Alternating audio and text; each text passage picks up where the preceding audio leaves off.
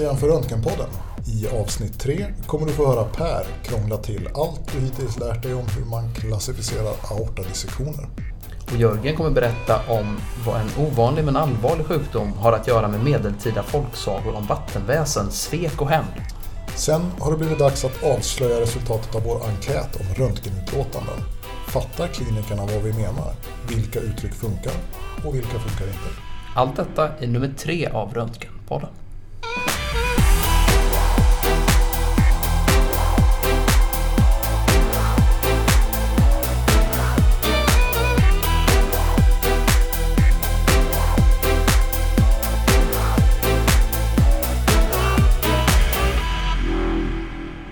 Igen Jörgen! Hej Per! Då är det dags för det svåra tredje poddavsnittet. Eh, Ja, det är det. Eller, Varför vi- är det svårt menar du? Ja, men vi brukar man inte prata om den svåra tredje plattan om ett band eller så ska spela in? Ja, Eller, det- så du känner lite prestationsångest nu? ja, men lite så. Jag har hört att eh, man brukar prata om det. Alltså ett eller två avsnitt eller ett eller två skivor i alla fall kan man komma undan med som inte är Ja, mer än lovande. Sen måste man prestera. så är det kanske. Vi får skärpa oss till det här avsnittet då helt enkelt. Jag tror det. Ja, men eh, vi har väl material? Det tycker jag verkligen. Vi har en plan. Ja, Ja, vi har förberett oss hyfsat. det har vi. Och du har kommit hem från fjällen utan en eh, isolerad höftledsluxation. Ja, det har jag gjort faktiskt. Och för lyssnarna kan jag berätta nu hur Per med sin röntgenblick tittar mot mitt skrev och konstaterar att det inte föreligger någon luxation. Min kliniska blick. Din kliniska Eller vad som är kvar av den efter Just precis. knappt decennium på röntgen. Ja, det stämmer. Men vi har varit på familjesemester i Idre nämligen och åkt skidor och det har gått bra. Inga eh, ortopediska episoder att registrera. Och jag har packat bilen för att göra eh, samma resa. Ja, du ska också åka till Idre Precis, med Ja. början imorgon. Ja. Det var eh, utlovat fint väder väl för veckan som kommer? Det skulle bli mildare i alla fall, Mm. hoppas vi. Med småbarn så är det ju önskvärt att det inte är 15 minus. Det blir inte så mycket åkning då, jag mig. Just det. Jaha, eh, vad ska vi berätta mer om vad som har hänt sen sist? Har vi några nyheter att delge läsarna, eller lyssnarna ska jag säga? Där ställer du mig. Jag har för en gångs skull varit föräldraledig större delen av tiden sen förra inspelningen. Ja.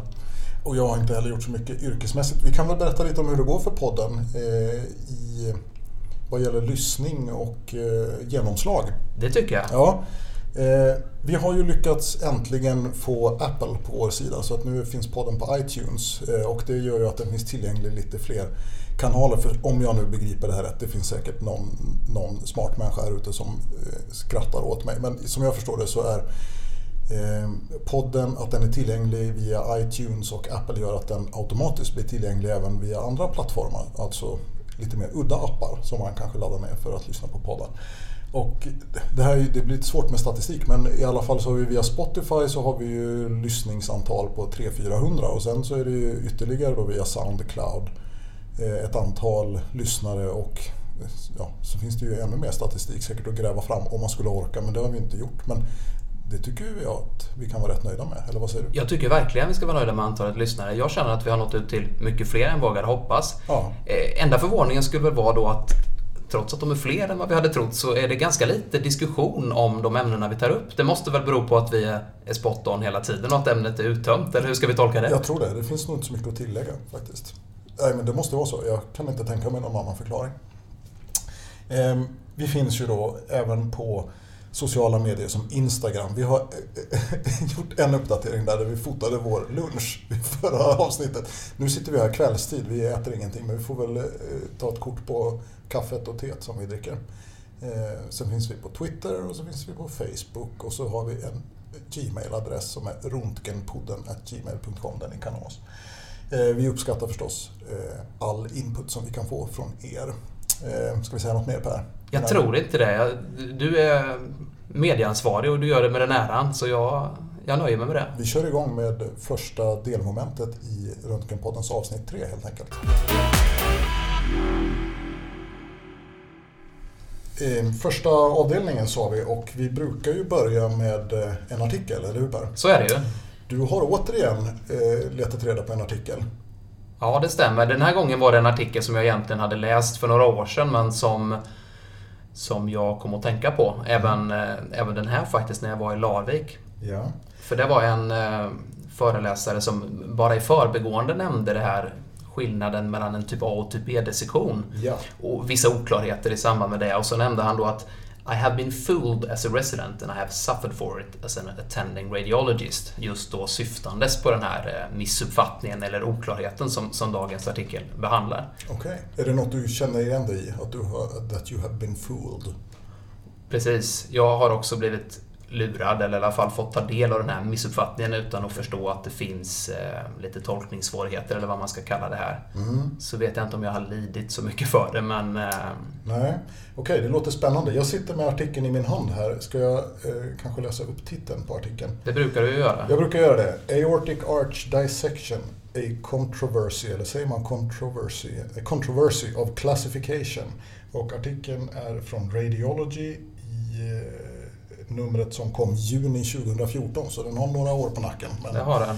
aortadissektionen har väl inte ändrat sig så mycket sedan 2014, tänker jag mig. Så att, eh, det kanske fortfarande är relevant ändå. Ja, jag sitter och funderar på när det här första fallet jag hade som eh, jag blev fooled av. mm. Det var nog i, i ganska nära anslutning till att den här artikeln kom, skulle jag tro. Mm, men då hade du inte läst artikeln, eller? Nej, eh, jag började göra Det var, sök... därför, det var därför som du blev fooled. Precis. Mm. Jag började göra sökningar i efterförloppet, så att säga, och hitta den. Aha, okej, så det här är alltså upprinnelsen är ett riktigt patientfall? Ja, det stämmer. Okej, Det stämmer. Jag satt och hade en jour, jag undrar om det var midsommar eller det var någon helgdag i alla fall. Det var väldigt lugnt. Mm. Till 21-30 tiden när man börjar inbilla sig att man ska kunna gå hem och Mm.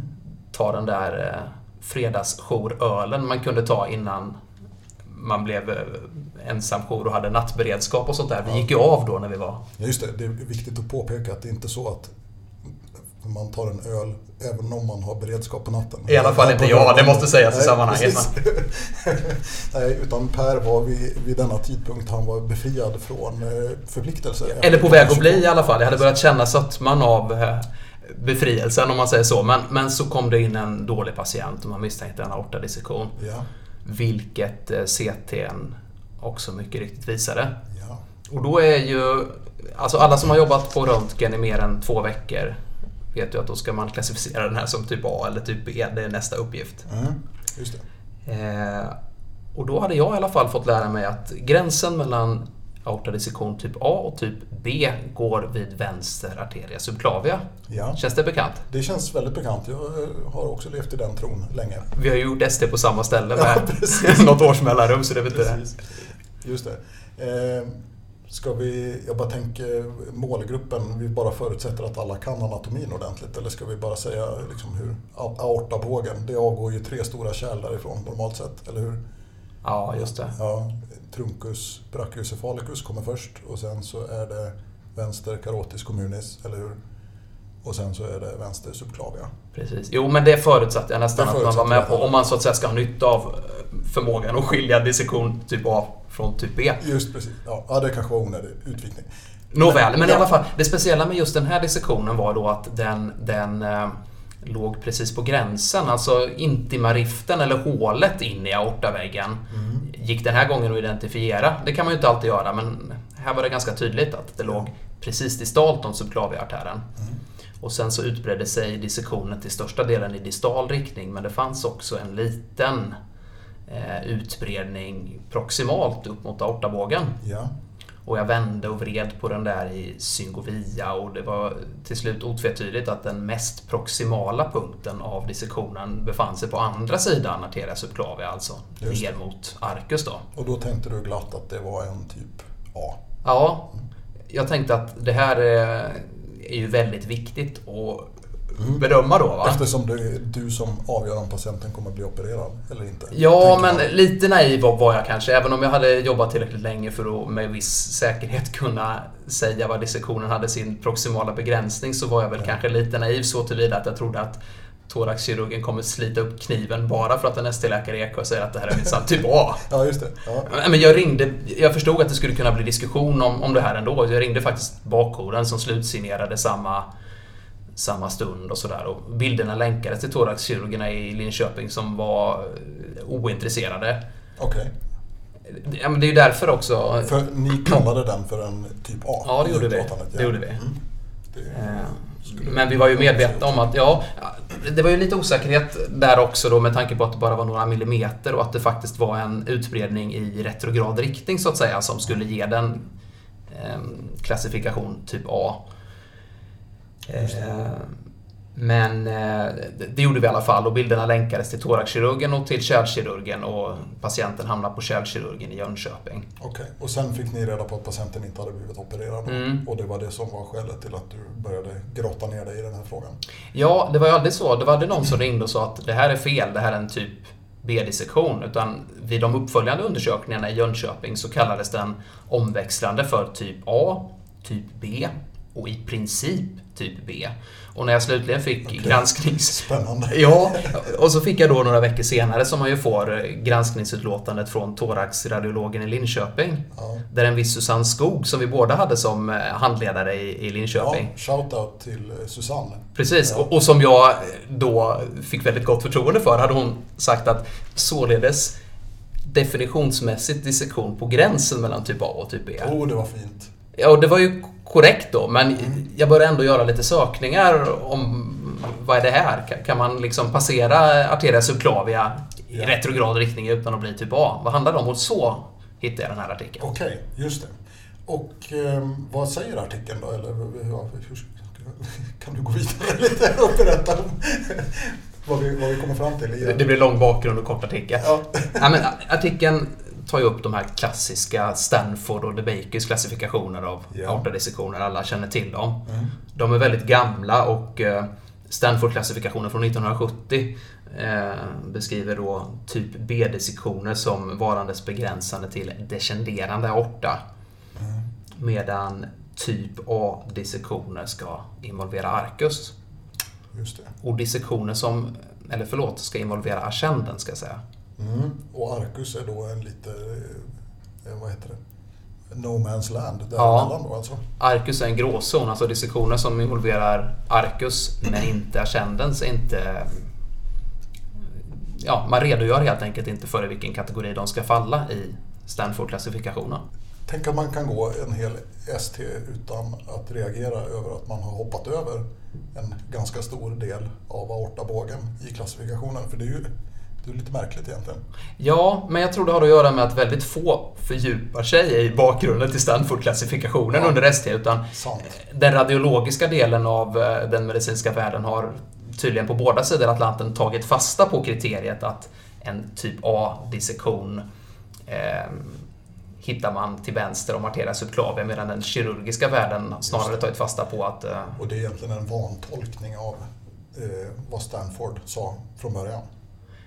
Han sa väl egentligen inte någonting tillräckligt tydligt från början alls som jag uppfattade det. Nej, okej. Ja. Så jag, jag, tror egentligen inte man kan säga att det är fel att, att definitionsmässigt enligt Stanford, men poängen är att kirurgisk praxis har utvecklats eh, till att man opererar akut om man har engagemang av ascenderande aorta, men inte om engagemanget bara omfattar arcus och eller descendens. Då. Just det. Så det är egentligen det som är själva bakgrunden till att man vill göra klassifikationen. Att sortera ut de patienter som ska genomgå kirurgi från de som inte behöver kirurgi. Eller? Så är det ju. Det vore ju meningslöst att säga att jag har klassificerat den här dissektionen helt perfekt enligt en skala vars relevans... Är arbiträr. Ja, så. Ja, ja Per, men eh, vi pratar mycket om historiken nu. Eh, vad, eh, är det det som hela den här artikeln handlar om eller fanns det något, eh, någon studiedel? Eller vad var det? Ja, du, vill, du vill att det ska bli en vetenskaplig punkt och att jag ska... Ja, Men lite, jag eh, var det en debattartikel eller vad är det för något? Alltså det var ju rätt, lite sammelsurium den här artikeln egentligen. Ja, Den var dels då en exposé över historiken bakom de här klassifikationerna och så pratar man lite om patofysiologin, varför dissektionerna eh, hamnar där de hamnar om man säger så. Och sen, sen själva studien som bara var en liten del av, av artikeln var en retrospektiv genomgång av eh, aortadissektioner på det här, eh, vad heter det, Maryland Medical Center mellan 2010 och 2012. okej. Där man hade studerat var dissektionen hade sin proximala begränsning helt enkelt. Mm. Och funnit att dissektioner då som involverade arcus men inte ascendens eh, i det här materialet var 9 av 121. Alltså Okej. ganska ovanligt då. Just det. det ja, precis. Det blir cirka 7 procent då eller något sånt. Ja, drygt va. Och merparten av dem sitter ju, tycker jag man ser, på samma plats i eh, ascendens respektive strax distalt om eh, subklaviavgången. Ja, du menar att det är där själva intima-skadan upp, uppträder? Ja, där brukar ju entry sitta. Precis, men, och det står ju lite om det i artikeln, eller hur? Hur det kommer sig att eh, skadan uppkommer just där. Ja, Um, och det, det var lite intressant eh, tycker jag för att eh, de förklarade med att själva arcus är ganska mobil till skillnad från både hjärtat och själva halskärlen som avgår från arcus. Så, och, de skrev något i stil med att it resembled the, the pendulum of a clock.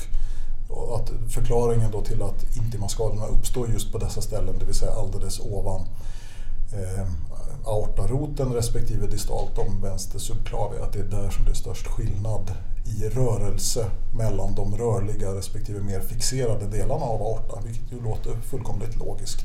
ja att eh, området precis distalt om subklavia är predilektionsställe för traumatiska dissektioner har man ju hört. Och det är ju fullt rimligt att även icke-traumatiska kan hamna där då. Ja, precis. Du måste ju rimligen ha samma, eh, samma uppkomstmekanism, tänker jag. Att hjärtats rörelse kan få samma effekt som en eh, li, li, lite mer kraftig rörelse när man kraschar med bilen in i en älg. Just, ja, precis. precis. Okej, men eh, och sen då, när intima-skadan har uppstått så kommer eh, blodet ut subintimalt och sprider sig då. Eh, ibland i retrograd riktning och det är det som ger upphov till den här förvirringen, eller hur? Det är ju en del av det. Eller det var ju det som var skälet till förvirring i fallet som eh, fick mig på spåret från början. Mm.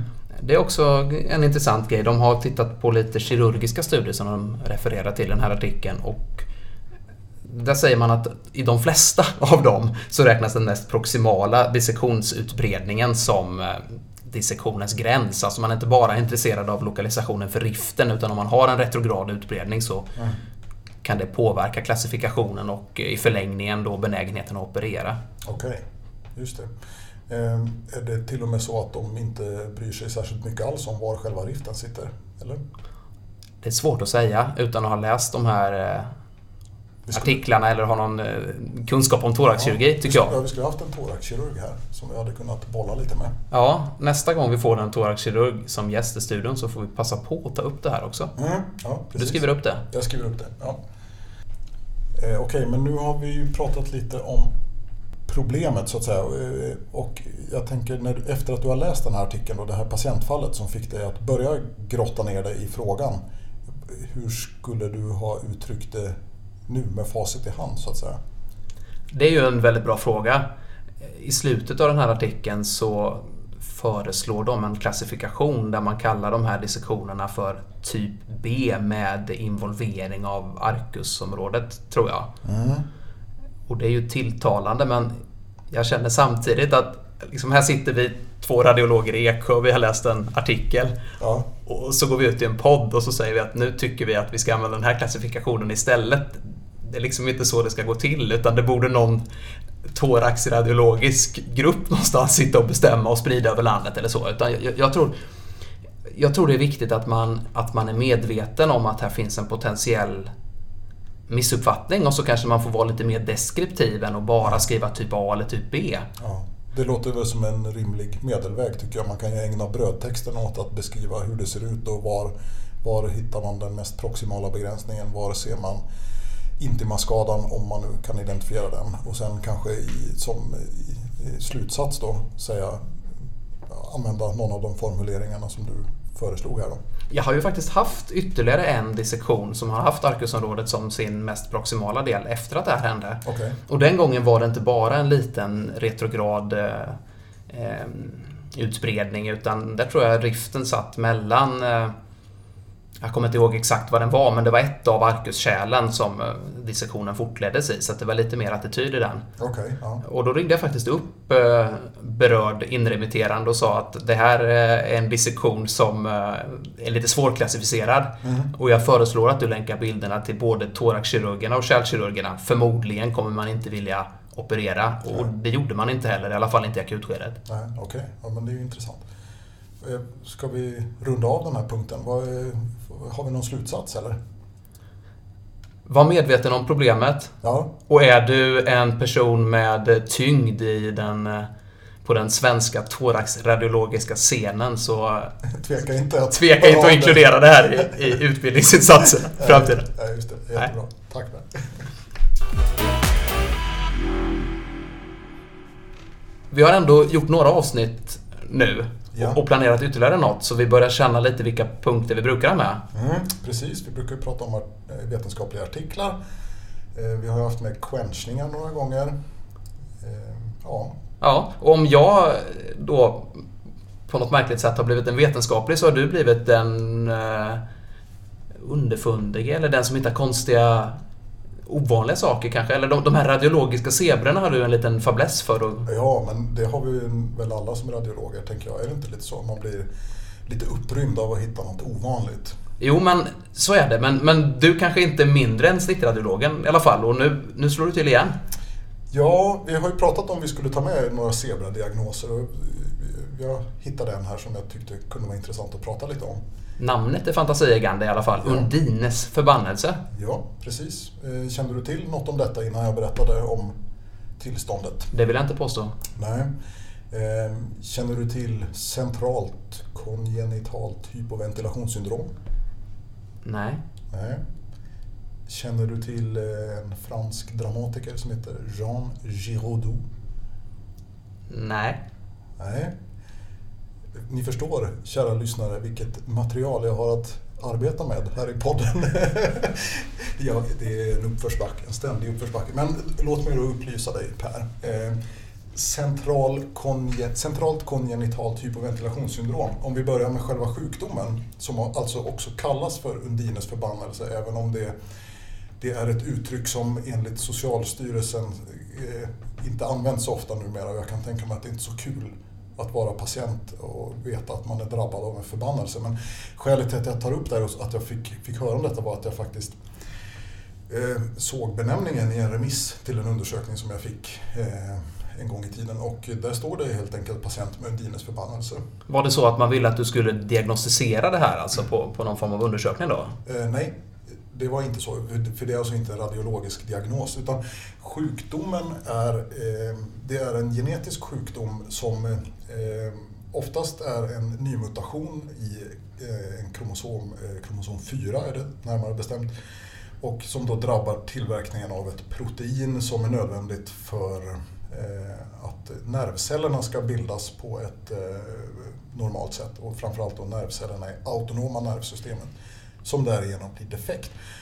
Eh, och, eh, eh, det är en väldigt ovanlig sjukdom. Det står på Socialstyrelsens hemsida att det just nu finns 25 patienter i Sverige som har den här sjukdomen.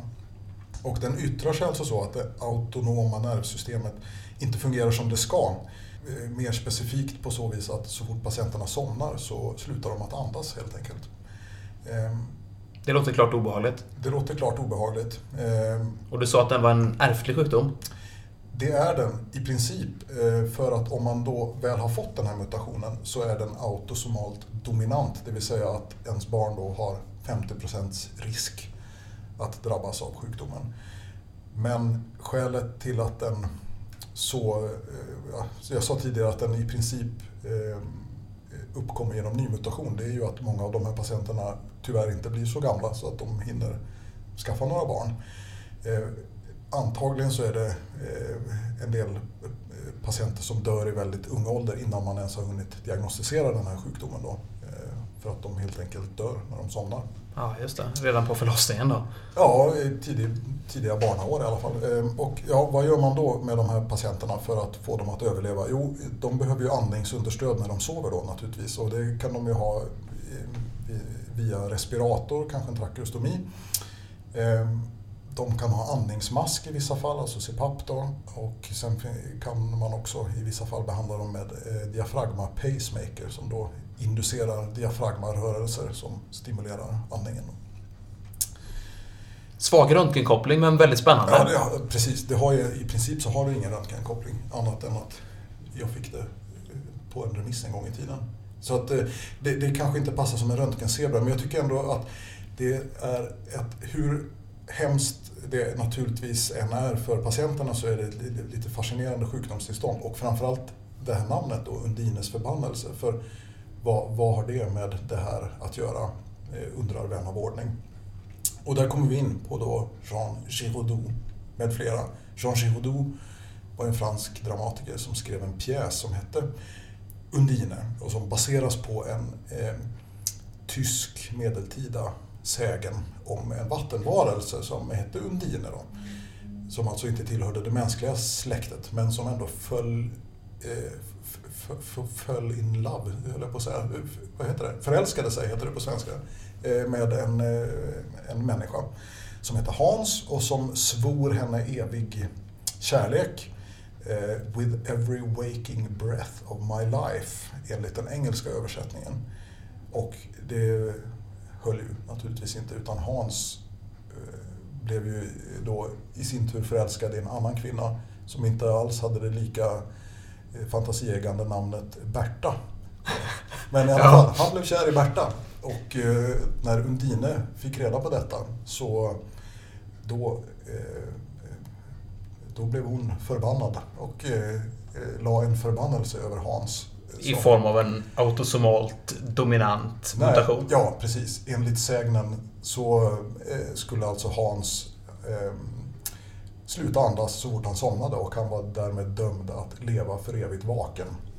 Så därav kopplingen mellan Undine och det här sjukdomstillståndet. Spännande. Ja. Eh, jag vet inte var, eh, om det är fler än jag som eh, känner samma fascination inför kopplingar mellan medicinska termer och kulturhistoria på det här sättet som, som det här exemplet illustrerar. Eh, alltså Jörgen, jag skulle tro att du ligger två, tre standarddeviationer ifrån någon sorts medel, medelsvensk på det, men även jag kan tycka att det är intressant. Så jag tror nog en och annan av lyssnarna uppskattar den här punkten också, även om, om den radiologiska bäringen kanske var större förra gången. Ja, om inte annat så var det en kort programpunkt och den är över nu. Så att, eh, vi får se om vi återkommer vid fler tillfällen framöver. Ja, Jörgen, du har jobbat ganska mycket ända sedan vi började med podden med den här undersökningen över osäkerhet i röntgensvar. Just det, det har vi hållit på med ett tag. Eller ja, det kanske är jag som har gjort det mest. Det stämmer.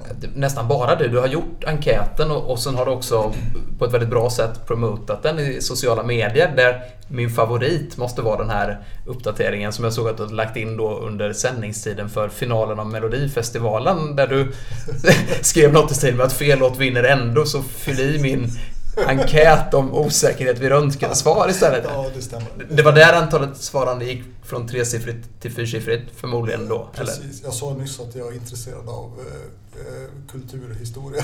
Men det innefattar alltså inte Melodifestivalen. Tack för det förtydligandet. Just det. Eh, det stämmer, det stämmer. Jag har försökt att, få in eh, svar till den här enkäten då, som är en webbenkät tillgänglig via länk. Och det är tyvärr inte fyrsiffrigt antal svarande, men om, eh, om jag ska redogöra för svars, eh, svarsfrekvensen då, så är det i alla fall tresiffrigt. Eh, och det är knappt 150 som har gått in på enkäten och av dem så är det drygt 100 som har levererat kompletta svar. De, de, som var inkompletta har jag helt enkelt rensat bort för det blir så svårt att göra Eh, vettig statistik av det. Och av de här drygt 100 så är det knappt 50, jag tror det var 47, jag ska inte säga exakt, knappt 50 som var radiologer och drygt 50 som var icke-radiologer då. Och sen fanns det några enstaka som inte var läkare utan annan sjukvårdspersonal och sen också enstaka som inte var eh, i sjukvården överhuvudtaget. De som har gett kompletta svar. Vi redovisar antalet lyssnare i början av programmet och nu redovisar du antalet svarande. Ja. en jämförelse ger ändå vid handen att det finns något hundratal som har eh, lyssnat lyssnar men inte har fyllt i. Så ja. kan du kort gå igenom bara vad, vad man ombads att svara på? Just det, och bakgrunden var ju då den här frågan om hur man tolkar formuleringar i röntgensvar. Om jag skriver att en förändring utgörs sannolikt av en metastas så innebär ju den formuleringen att jag inte är riktigt säker på att det är det. Men att jag, det är ändå det troligaste att det är det. Men om man skulle försöka kvantifiera det här i matematiska termer, hur många procents sannolikhet är det jag försöker förmedla med det svaret? Och det är lite intressant att grotta ner sig i det eftersom det jag personligen försöker förmedla säkert inte uppfattas på samma sätt av den som läser svaret. Och det var det jag försökte fånga lite grann i den här enkäten.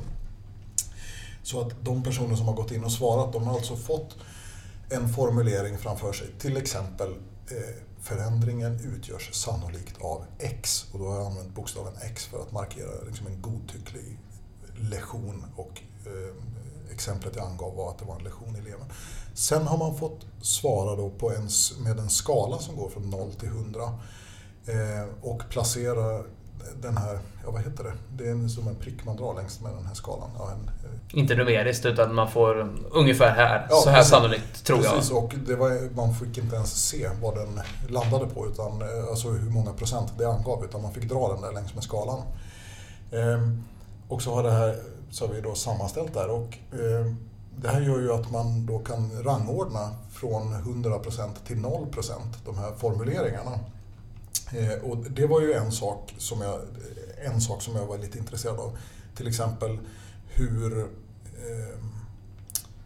eh, ja, i vilken ordning placerar man som svarande olika alternativ, till exempel förändringen utgörs sannolikt av X respektive troligen av X signalerar det samma sannolikhet eller hur, uppfatt, hur uppfattar folk det här egentligen? Eh, och då har vi ju kunnat få ut en, en rangordning då. Eh, Dels för radiologer och dels för emittenter. Det var det ena. Sen det andra som jag tycker skulle vara väldigt intressant, det var ju om det var någon stor skillnad på någon viss formulering. Till exempel att radiologkollektivet skulle klassa en viss formulering som en sannolikhet på 80 procent medan remittenterna uppfattade det som kanske 40 procent eller något sånt. För då, det skulle ju vara, om inte en signal att undvika just den formuleringen, så i alla fall en eh, signal om att eh, det här uppfattas annorlunda än, hur, eh, än vad vi tänker. Ja, just det. Mm. Ofta är det ju fritextsvar i den här typen av enkäter som, som är intressant att läsa tycker jag. Ja, alltså, det håller jag med om man svarar pliktskyldigt på det som är efterfrågat men det man oombett redogör för är någonting man vill få ur sig kanske, något man ser som mm. särskilt angeläget. Ja, precis. Och det fanns ju en ruta i slutet på enkäten där man kunde eh, ge svar eh, eh ska se vad jag hade skrivit där. Jo, så här hade jag skrivit. Om du har några kommentarer om enkäten, kanske ett tips om en egen favoritformulering eller om en formulering som du älskar att hata, skriv gärna en rad i kommentarsrutan nedan. Förmodligen är det inte så att de svaren präglas av kliniker som tycker att det här är min absoluta favorit när radiologen uttrycker det osäkerhet. Utan det, det, finns lite galla där kan jag tänka mig. Eh, ja, nej, men folk har varit trevliga, det tycker jag. Eh, men det som framgår är att just en formulering X kan inte uteslutas. Den är inte sådär jättepopulär bland kliniker. Och det förstår jag. Och jag håller med också. Jag, vet, jag gillar inte den formuleringen. Jag försöker undvika den formuleringen personligen. Jag vet inte om du använder dig av den? Jag använder mig väl av den exklusivt för att skicka meddelandet eh, det här ska utredas vidare, alltså bara om det är någonting farligt. Ja, men det är klart det vore önskvärt att skicka med någon sorts gradering av risken för att fyndet jag beskriver är just farligt, det förstår jag ju. Ja, precis och det är ju det som ligger till grunden för hela den här studien att vi kan ju inte göra någon sån exakt gradering. Nej. För jag tycker lite att eh, om man säger X kan inte uteslutas, då är det som att man fegar ur lite grann. Eh, på något sätt. Gardera med cancer? Lite så. Och dessutom så antyder det att man kan utesluta saker och det kan man väl ibland, men förvånansvärt ofta så kan vi ju inte det egentligen med våra svar. Ehm, och just det här att ja, men därmed så signalerar jag att någonting ska utredas vidare. Då tycker jag okej, okay, om man tycker det, då får man väl skriva det. Då ska man ju inte hålla på och hymla. För det där är lite som att man eh, förmedlar en, en osäkerhet med flit. Och det mm, kanske man kan försöka undvika tycker jag. Det finns ju olika skolor. Alltså en del av de eh, äldre kollegorna på kliniker där jag jobbar har ju å andra sidan då gett uttryck för att man bör undvika att skriva kliniken på näsan att det här bör mm. utreda vidare. Ja, det stämmer. Det kan på något sätt eh, vara så att patienten har, kliniska skäl till att man inte ska utreda och sådär. Så är det absolut. Och vad gäller det där med att i slutet skicka med kan inte uteslutas är väl kanske i någon mån en, ett uttryck för att man inte riktigt litar på att remittenten plockar upp budskapet i annat fall. Alltså jag menar på samma sätt som att kliniken inte riktigt litar på att radiologens patognomorna fynd verkligen är patognomorna. Så. Nej, visst. Och du, och du, har en poäng naturligtvis. Så är det ju. Eh, och då kan man tänka så här att då kanske jag ska, då kan man ju uttrycka att om förekomsten av X har betydelse för den kliniska handläggningen så bör man överväga komplettering. Med. Men det får ju finnas gränser för hur otymplig man ska vara i hur man uttrycker sig också. Det är en avvägning helt enkelt. Eh, Eh, eh, och eh, det här med att undvika X kan inte uteslutas. Det är kanske bara jag som tycker så. Men jag, vet, jag, jag gillar inte den. Av Nej, jag, jag är inte förvånad över att den dyker upp i fritextkommentarerna heller faktiskt. Nej, det verkar som att remittenterna tycker som jag i det här fallet. Ja, så är det. Det var en leverförändring det gällde i enkäten, inte sant? Ja, det stämmer. För, för, det är ju också någonting som påverkar både hur man uttrycker sig och hur man tolkar svaret, tänker jag. Absolut. Alltså för jag menar, om man tittar på levern, det finns ju lite mellantillstånd. Alltså ett, ett adenom skulle kunna malignifiera och det skulle kunna blöda. Det är väl lite intermediärt, men mm. i allmänhet så tänker man väl, är det cancer eller är det ja, något oskyldigt? Precis, det var, det var lite svårt tycker jag, för att jag ville ju gärna fånga just variationen i själva formuleringen. Och samtidigt så är det väldigt svårt att göra det utan att exemplifiera med någonting. Ja. Eh, och det gör ju att svaren, typ, hur ska jag säga så här, om man svarar på ett visst sätt, det beror ju på vad man har tolkat in i förutsättningarna. Alltså, det blir skillnad om jag säger metastas kan inte uteslutas jämfört med benign cysta kan inte uteslutas. Antagligen, nu är det ju väl ingen som skriver så, men man kommer väl kanske inte svara med samma procentsats i båda de fallen. Och det är ju, I slutet på enkäten fanns det utrymme för fria kommentarer. Det var ju någon som, som eh, mycket intelligent eh, hade påpekat det. Nu ska vi se om jag kan hitta det. Jag sitter med datorn här framför mig nämligen. Ehm, eh, ska vi se här. Jo, så här hade en kommenterat. Det ligger ju i sakens natur att man bedömer det hela olika ifall X är något som måste uteslutas, parentes malignitet, slutparentes, eller om X är något helt godartat som kan förklara symptomen men som inte behöver åtgärdas. Det är ju en mycket intelligent synpunkt. Absolut. Jag tycker ändå att bara det faktum att man överhuvudtaget diskuterar effekterna av oklarheter i hur man uttrycker sig mm.